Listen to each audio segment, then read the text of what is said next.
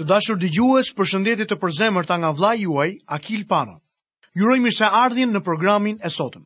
Ju kujtoj që kemi hyrë në librin e Levitikut dhe jemi duke studiuar ato kapituj të veçantë në këtë libër që kanë të bëjnë me zbulesën e mëkatit, ofertat për mëkatin dhe çështjen universale të tij. Ju kujtoj që në mësimin e kaluar kemi folur që nuk mund të jemi në botë dhe të jemi të pastër duke parë, dëgjuar apo menduar të njita gjyra që janë për qark nesh. Ne jemi të papastër në këtë mënyrë. Madje mund edhe të mos e kuptojmë që kemi prekur gjëra të papastra. Mund të jetë e fshehur, kështu që nuk jemi të vetëdijshëm për mëkatin. Por nuk duhet të shkojmë në pranitë të Perëndis derisa të pastrohemi. Mëkati në të vërtetë ka vendosur një barrier midis individit dhe Perëndis. Edhe marrëdhënia e një të rilindur sërish, një të krishterë, me Perëndin është e thyer për shkak të mëkatit. Ja përse psalmisti thot: Kush i njeh gabimet e ti? Pastrom nga ato që nuk i njo. Ne jo vetëm që duhet të lutemi për falje në përgjësi, por që duhet t'ja përmendim përëndis dështime tona specifike dhe t'i kërkojmë ati falje. Për më shumë se kaq, duhet të lutemi për falje në mëkateve për të cilat nuk jemi të vedishëm. Do njëherë jemi të papastër pa e kuptuar as edhe ne vetë. Do të fillojmë ledzimin ton të kapitulli 5 i libri të Levitikut nga vargu i 3. Ose kur prek një papasërti njërzore, qoftë edhe në mënyrë të pandërgjeqme, qfar do gjilje mantët të cilit një riu bët i papasër kur e pranon, është fajtor. Kjo është njashme me rastin e kafshës së papasër, por me gjitha të, përëndia bën një dalim i disë një riu dhe kafshës. Dënimi për këtë është më i ashpër se sa kur prek kafshën. Me sa duket, kishte dalimet të tjera të papastërtis në lidhje me njeriun përveç vdekjes. Lezëmë poshtë vargun e 4. Ose nëse dikush në mënyrë të pandërgjeshme duke folur pa u menduar thellë me buzët e ti, betohet se do të bëj një të mirë apo një të keqe, qfar do gjëje që një njeri mund të thot me mendjeleci me një betim, kur e pranon gabimin, është fajtor për cilën nga këto gjërë. Këtu përfshjet rasti kur flet pa u menduar. Do njëherë ne premtojmë se do të bëjmë diçka dhe pastaj nuk e bëjmë. Premtojmë se do të shërbejmë Zotit, për nuk e bëjmë. Jefteu është shembuli i një njeriu që premtoi të bënte diçka shumë të nxituar, të ofronte bijën e tij. Simon Pietri shpalli me guxim se nuk do ta mohonte Krishtin, por do të vdiste duke e mbrojtur atë. Sot gjë njerëz që bëjnë premtime të nxituara. Në të vërtetë mendoj se disa nga këngët tona janë si një dinamit. A e keni vënëre që në këngët që ne këndojmë, i premtojmë përëndi se japim ati gjithë shka. I premtojmë se do të ndjekim dhe do të vdesim për të. I marim aq let ato, sa madje nuk e dim as vetë se qfar jemi duke kënduar. Gjithashtu mendoj se flasim pa u menduar mirë, kur përpiqemi t'i kërkojmë Perëndis një përgjigje për lutjet tona. Gjithmonë kemi nevojë të kujtojmë se lutjet tona duhet të jenë sipas vullnetit të Perëndis. Nëse kërkojmë ditë sipas si pas vullnetit të ti, a i nga dëgjon, nga vjen ideja se mund të kërkojmë gjdo gjë përëndis. është fajtor për se cilën nga këto gjëra. I referohet katër gjërave që janë radhitur. A ty mund të ishin përfshirë edhe shumë të tjera. Zëm vargjet 5 dhe 6. Prandaj nëse dikush është bërë fajtor në një nga këto gjëra, do të pranoj mëkatin që ka kryer, do të qoj prazotit, si flitë fajtë të ti për mëkatin që ka kryer, një femër të kopes, një dele apo një dhi, si frigjim për mëkatin, dhe prifti do të bëj për të shlyerjen për shkak të mëkatit të ti. Herën e parë urdhërohet që të bëhet rëfimi. Ofrimet e tjera ishin një pranim i hapur i fajt. Kjo ka të bëj me mëkatet e fsheta.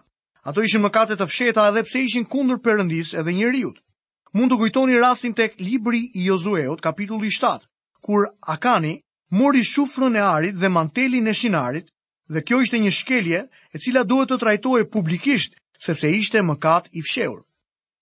Vendosja e duarve tek ofertat e tjera ishte pranim i mëkatit. Ktu rrëfimi duhet të bëj i pari, pastaj i jepej oferta. Tek ofertat me erë të këndshme, oferta paraprin çdo mendim për rrëfimin. Por këtu është e kundërta. të tek Ungjilli sipas Mateut, kapitulli 5, vargjet 23 dhe 24. Nëse ti pra, po qëtë ofertën tënde tek altari dhe atje kujtohesh se yt vëlla ka diçka kundër teje, lëre atje ofertën tënde para para altarit dhe shko pajtojë më parë me vëllan tënd, pastaj ktheu dhe paraqite ofertën tënde. Sot besimtari duhet ja rrëfej vetëm për mëkatin Perëndis, por ai duhet të dërmë shpërblej pjesën e lënduar. Flijimi i shkeljes thjesht ka kuptimin e flijimit për fajnë ishte një ofert për mëkatin, për deri sa të gjithë mëkatet burojnë nga natyra jonë mëkatare. Ne nuk jemi mëkatarë sepse mëkatojmë, ne mëkatojmë sepse kemi natyrë mëkatare. Për deri sa kjo ofert është për një mëkat që është një nga shumë aspektet e natyrës mëkatare, vlera e ofertës nuk ishte aqe madhe sa jo e ofrimit për mëkatin të cilin e gjemë në kapitullin e 4. Lëzëm në vargun e 7. Në qovë se nuk ka mjetet për të siguruar një dele do t'i qoj Zotit si fli për mëkatin e kryer, dy turtuj orse dy pëllumba të ri, njërin si flijin për mëkatin dhe tjetrin si olokaus. Tek oferta e shkeljes, theksi nuk vendoset mi karakterin ose pozitën e ofruesit, por mi vetë sakrificën. Kërkoheshin dy turtuj, një për flijimin për mëkatin dhe tjetri për holokausin. Personi dhe vepra e krishtit përfajsohen me flijimet më të vogla ky është flijimi i të varfërve. Vëreni që quhet flijim për mëkatin sepse bëhej për shkak të natyrës mëkatare. Lezëm vargje 8 dhe 9. Do t'ja qoj priftit i cili do të ofroj së pari atë të mëkatit, do t'i kopus kokon pran qafës, por pa e ndarë plotësisht. Pastaj do të spërkas pak gjak të flijimit për mëkatin mbi faqen e altarit, dhe mbetja gjaku do të derdhet në bazën e altarit, dhe ky është një flijim për mëkatin. Gjaku duhet të derdhej edhe pse koka e zogut nuk duhet të ndahej nga trupi i ti. Lezëm vargun e 10.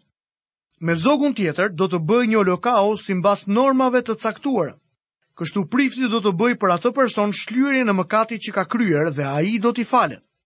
Mëkatari merë falje të plot dhe me një zog të vogël. E gjithë kjo të qonë të krishti si sakrifica e vetme për mëkatin. Lezëm vargun e një por në rrasë e i mungojnë mjetet për të siguruar dy turtuj ose dy pëllumba të ri, atëherë kush ka më katuar do të sielë si ofertë të djetën pjesë të një efe në maj mjeli. Si flijim për mëkatin, nuk do të vërmbi të as vaj as temjan, sepse është një flijim për mëkatin. As edhe më i varfri i të varfërve nuk përjashtoj nga kjo gjë.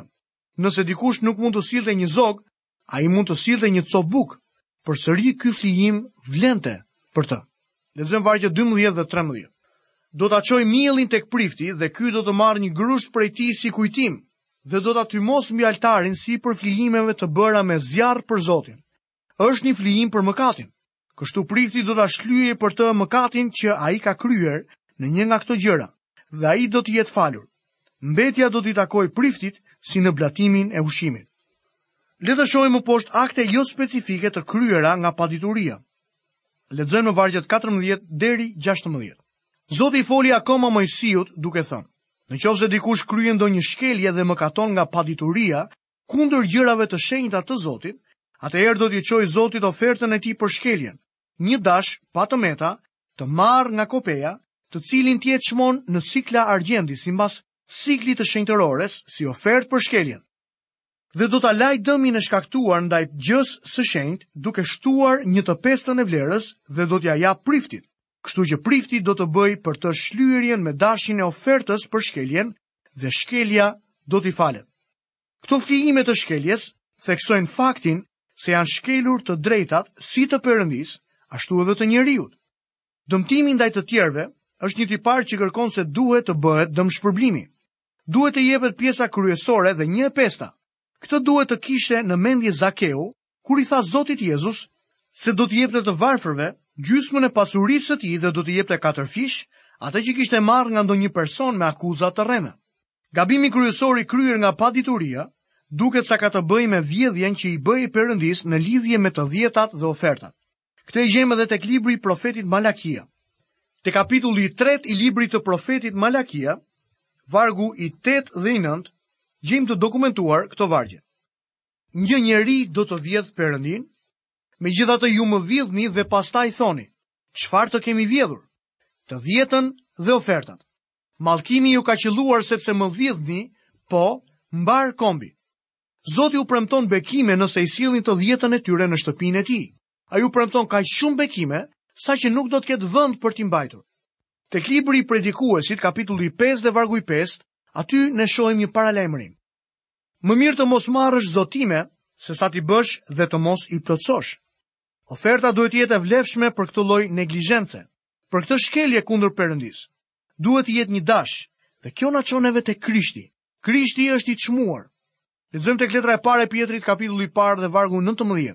Por nga gjaku i çmuar i Krishtit, si qengji të patëmet dhe të panjohur. Për mes kësaj oferte përëndia e falte më katarin që kryen të shkelje nga padituria e ti. Letëzëm vargun e 19. Në qovë se dikush më katon dhe në mënyrë të pandërgjeqme kryen një diçka që Zoti ka ndaluar të bëhet, është gjithashtu fajtor dhe i detyruar të vuaj dënimin. A i do t'i siel priftit si ofert për shkelje një dash patëmeta, të marrë nga kopeja si pas vlerësimi tënë, kështu që priftit do të bëj për të shlyerjen për mëkatin e ti nga padituria, të cilin e ka kryer në mënyrë të pandërgjeshme, dhe ky do të jetë falur. Kjo është një ofertë për shkeljen, ai është me siguri fajtor përpara Zotit. Kjo me sa duket kishte të bënte me thyrjen e ndonjë prej urdhërimeve të Perëndis nga padituria. Nuk është justifikim të mos e njohësh ligjin. Ky po im është i vërtetë edhe për ligjin civil. Pavarësisht nga mungesa e njohuris për urdhërimet, shkelsi ishte fajtor edhe për Dhe këtu na jepet dashi si kafsha e vetme si flijimi për shkelje. Ky flijim në ritualin si pas të cilit kryej, ishte si a i flijimit për mëkatin përveç për katje së gjakut që bëhe si pas flijimit të falenderimit dhe të holokaustit. Këtu do të ashoj më mirë në kapitullin e 7. Kapitulli 6 dhe 7 në librin e Levitikut në paraqesin ligjin e ofertave. Në të vërtet, ligji i ofertave kishte të bënte me priftërin dhe rolin e tyre të veçant në të si dhe me racioni që merrej prej saj. Mund të quhen rregullat e veçanta për priftërinjt që shërbejnë në altarin e Perëndis. Kjo pjesë hapet me udhëzime të veçanta për priftërinjt dhe një urdhërim për Aaronin dhe bijtë e tij. Përderisa priftërinjt shërbenin në altar, përfshiheshin në të gjitha ofertat që bëheshin në altarin e Holokaustit. E gjitha kjo është një hije e realitetit në qiell ku shërben Krishti, shpëtimtari dhe Zoti ynë e prifti ynë më i lartë. Shkruesi i letrës e ebrejve në kapitullin e 8, vargje 3 deri në vargun e 5 na thot: Sepse çdo e prift vihet për të ofruar dhurata dhe Pra Prandaj është e nevojshme që edhe ai të ketë diçka që të ofrojë. Sepse nëse do të ishte mbi dhe, nuk do të ishte as prift, sepse ka priftrin të cilët ofrojnë dhurata sipas ligjit që shërbejnë sipas shembullit dhe hijes së gjërave qellore shu si që u lajmërua në mënyrë hynore Mojsiu, kur po përfundon të tabernakulin. Shiko tha, ti bësh të gjitha si pas modelit që të qetreguar në malë. Këtu bie në sy edhe një karakteristik tjetër. Krishti edhe prifti edhe flimi. A i ofroj veten e ti për të gjithë ne, prandaj duke hyrë në bot, a i thot, ti nuk deshe as flim as blat, për bëre gati për mua një trup, ti nuk pëlqeve as holokauste as flime për mëkatin. Atëherë unë thash, ja unë po vi në rotullin e librit të shkruar për mua, për të bërë o përëndi vullnetin tënë. Në basi tha, ti nuk deshe as flim as mblat, as holokauste as e për mëkatin, që të blatohen si pas ligjit, a i shtoj, ja unë vi për të bërë o përëndi vullnetin tënë. A i heqë të parën që të vërë të dytën. Pre këti vullnetin e imi shenjë të ruar me antë blatës së trupit të Jezu Krishtit një herë për gjithmonë dhe ndërsa çdo prift të rri për ditë në këmb duke shërbyer dhe duke blatuar shpeshherë të njëjta flime që nuk mund të heqin kurrë mëkatet, ai përkundrazi pasi dha për gjithnjë një flijim të vetëm për mëkatet, u ul në të djathtë të Perëndisë. Ne do ta kemi parasysh këtë gjë sot. Ka shumë fe që kanë futur shumë rituale me marshime dhe rroba, me qirinj dhe rutina të tjera. Mendoj se në të gjitha kishat tona bëjmë shumë gjëra që në të vërtet nuk ja vlejnë për të bërë. Perëndia është frym dhe duhet të adhurohet në frym dhe në të vërtet. Perëndia na dha këtë të vërtet të madhe shpirtërore në librin e hebrejve në mënyrë që ta kuptojmë atë. Unë dhe ti kemi një kryeprift në qiell dhe ai ka shumë punë për të bërë. Kur thuhet se ai ul, do të thotë se shpengimi është plotësuar. Është e njëjta gjë kur themi se Perëndia pushoi ditën e 7 sepse përfundoi krijimin e tij nuk do të thotë se ai u lodh dhe nuk vazhdoi me gjërat e tjera. Po kështu Zoti Jezusi nuk ulet sepse lodhet dhe nuk dëshiron të bëjë gjë tjetër. Ai ka punë, ai vdiq këtu poshtë në tokë për të na shpëtuar. Ai jeton atë lart në qiell në të djathtë të Perëndisë për të na mbajtur të shpëtuar. Unë dhe ti duhet të jemi vazhdimisht në kontakt me Zotin Jezus. Ky është realiteti i të krishterit. Kjo është diçka shpirtërore. Problemi ynë sot është se kemi humbur kontaktin me Krishtin e gjallë. Ai nuk është më një realitet për ne. Lavdërimi më i mirë që kam dëgjuar ti jepe një predikuesi ishte për atë që kam zëvendësuar në Nashville të Tenesis. Një shitës mishi në treg më tha: "E kam kuptuar se ti po zëvendëson predikuesin që ishte më parë në kishën tonë. Do të të them diçka për atë njeri. Sa herë që e takoj, më duket sikur sapo është ndar nga Jezusi." Kërkoj t'ju a them miq se a i predikues punonte me të vërtet me Krishtin. Jezu Krishti ishte një realitet i vërtet në jetën e ti. Le të shojë më poshtë përfundimin e regulave në lidhje me flijimin e shkeljes. Për sëri më katet e radhitura, janë vetëm shembuj të një liste më të gjatë shkeljesh që të mund të jepen. Ato janë më katet e kryera kundër të afërmit në punët e përdiqme. Lëzëm të glibri i Levitikut kapitullu i 6 vargu i parë deri në vargun e 7. Zoti i foli Mojsiut duke thënë: Në qovë se dikush më katon dhe bën një shkelje kundër Zotit, duke usiel në mënyrë të gënjeshtërt me fqinjin e ti lidhur me një depozit, ose me një peng, apo për një vjedhje, ose ka mashtruar fqinjin e ti, ose sepse ka gjetur një gjë të humbur dhe ka gënjër lidhur me të dhe është betuar në mënyrë të rreme, për qfar do gjëje e njeriu mund të më në veprimet e ti, atëherë në qovë se ka më katuar dhe është fajtor, a i duhet të rikthej atë që ka vjedhur, apo gjën e zhvatur me mashtrim, ose depozitën që i është besuar, apo sendin e humbur që ka gjetur, ose të gjitha ato për të cilat është betuar në mënyrë të reme. Jo vetëm do t'i kthej plotësisht, por do të shtoj një të pestën dhe do t'ja dorëzoj të Zotit në po atë ditë të ofertës së ti për shkeljen. Pastaj do t'i sjell priftit ofertën e ti për shkeljen përpara Zotit. Një dash pa të meta të marr nga kopeja sipas vlerësimit tënd si ofert për shkeljen. Kështu prifti do të bëj shlyren për të për para Zotit dhe do t'i falet gjdo faj për të cilin është bërë fajtor. Kjo duke që është një zbules për e përëndis që dalohet nga kapitulli para ardhës. Tregon se mëkati kundër të afërmit është mëkat kundër përëndis. Ja përse Zotit Jezus tha, gjithë shka pra që ju doni t'ju bëj njerëzit, kështu u abëni dhe ju atyre, sepse kjo është ligji dhe profetet. Këtu përmenden mëkatet të veçanta, gënjeshtra për gjirat e marra hua dhe përgjesia për gjirat e lëna në duar të sigurta. Një shembul të saj e gjem tek libri i dytin mbretërve në kapitullin e 6 dhe vargun e 5, kur nëzënsit e Elizeot humbën sopatën e marë hua. Fjala bashkësi në këtë pasaj në të vërteti referohet një partneriteti në biznes. Marja me forcë duhet të ishte një transakcion i detyrueshëm, ashtu si që Ahabi mori vreshtin e Nabothit, këtë histori e gjem të dokumentuar në librin e partë të mbretërve. Duke mashtruar të afërmin, do të thotë të gënjesh të afërmin kur nuk i tregon se është gjetur ajo që kishte humbur. Mund ta them përsëri se mëkatet kundër të afërmve janë gjithashtu mëkate kundër përëndis. Ktu shohim përsëri se dëmshpërblimi duhet të bëhej me një dënim tjetër kushtohej shtohej një e pesta. Një e pesta do të ishte e dhjeta dy fish, kjo pasohej nga flijimi i shkeljes dhe përsëri flijohej një dash.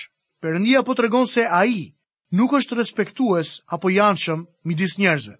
Flijimi i shkeljes ishte i rëndësishëm për jetën shpirtërore të secilit izraelit. Në librin e fjalëve të urta, kapitullin e 14 dhe vargun e 9, gjejmë këtë proverb. Budalen qeshin me mëkatin, por midis njerëzve të drejtë është falja. Jezusi bëhet i çmuar për shpirtin tënd kur ti je në djeni të mëkateve të tua. I dashur dhe gjuës, nëse me të vërtet në këto mësime jemi duke parë se sa me shumë seriositet përëndia merret me mëkatin historikisht që nga dhjata e vjetër deri në dhjata në re, kur ne shojmë se si a i dorzon në duart e mëkatarve dhe i a dorzon mëkatit në kryq birin e ti, Jezus, me të vërtet lutja ime sot është përëndi mos lejo që qafa jon dhe zemra jon të forcohet ndaj zërit tënd. Perëndi të lutem që të na japësh një zemër të butë, një zemër që kërkon falje, një zemër që të druhet ty dhe një zemër që e urren mëkatin ashtu siç ti e urren. Perëndi sot lutemi në emrin e Jezusit. Fali fajet tona ashtu siç dhe ne u falim ato fajtorëve tanë. Të dashur dëgjues, nga vlla juaj Akil Pano, keni të gjitha bekimet e përëndis dhe paqen e ti në jetën tuaj. Ju kujtoj që të jeni së bashku me mua në emisionin e arqëm.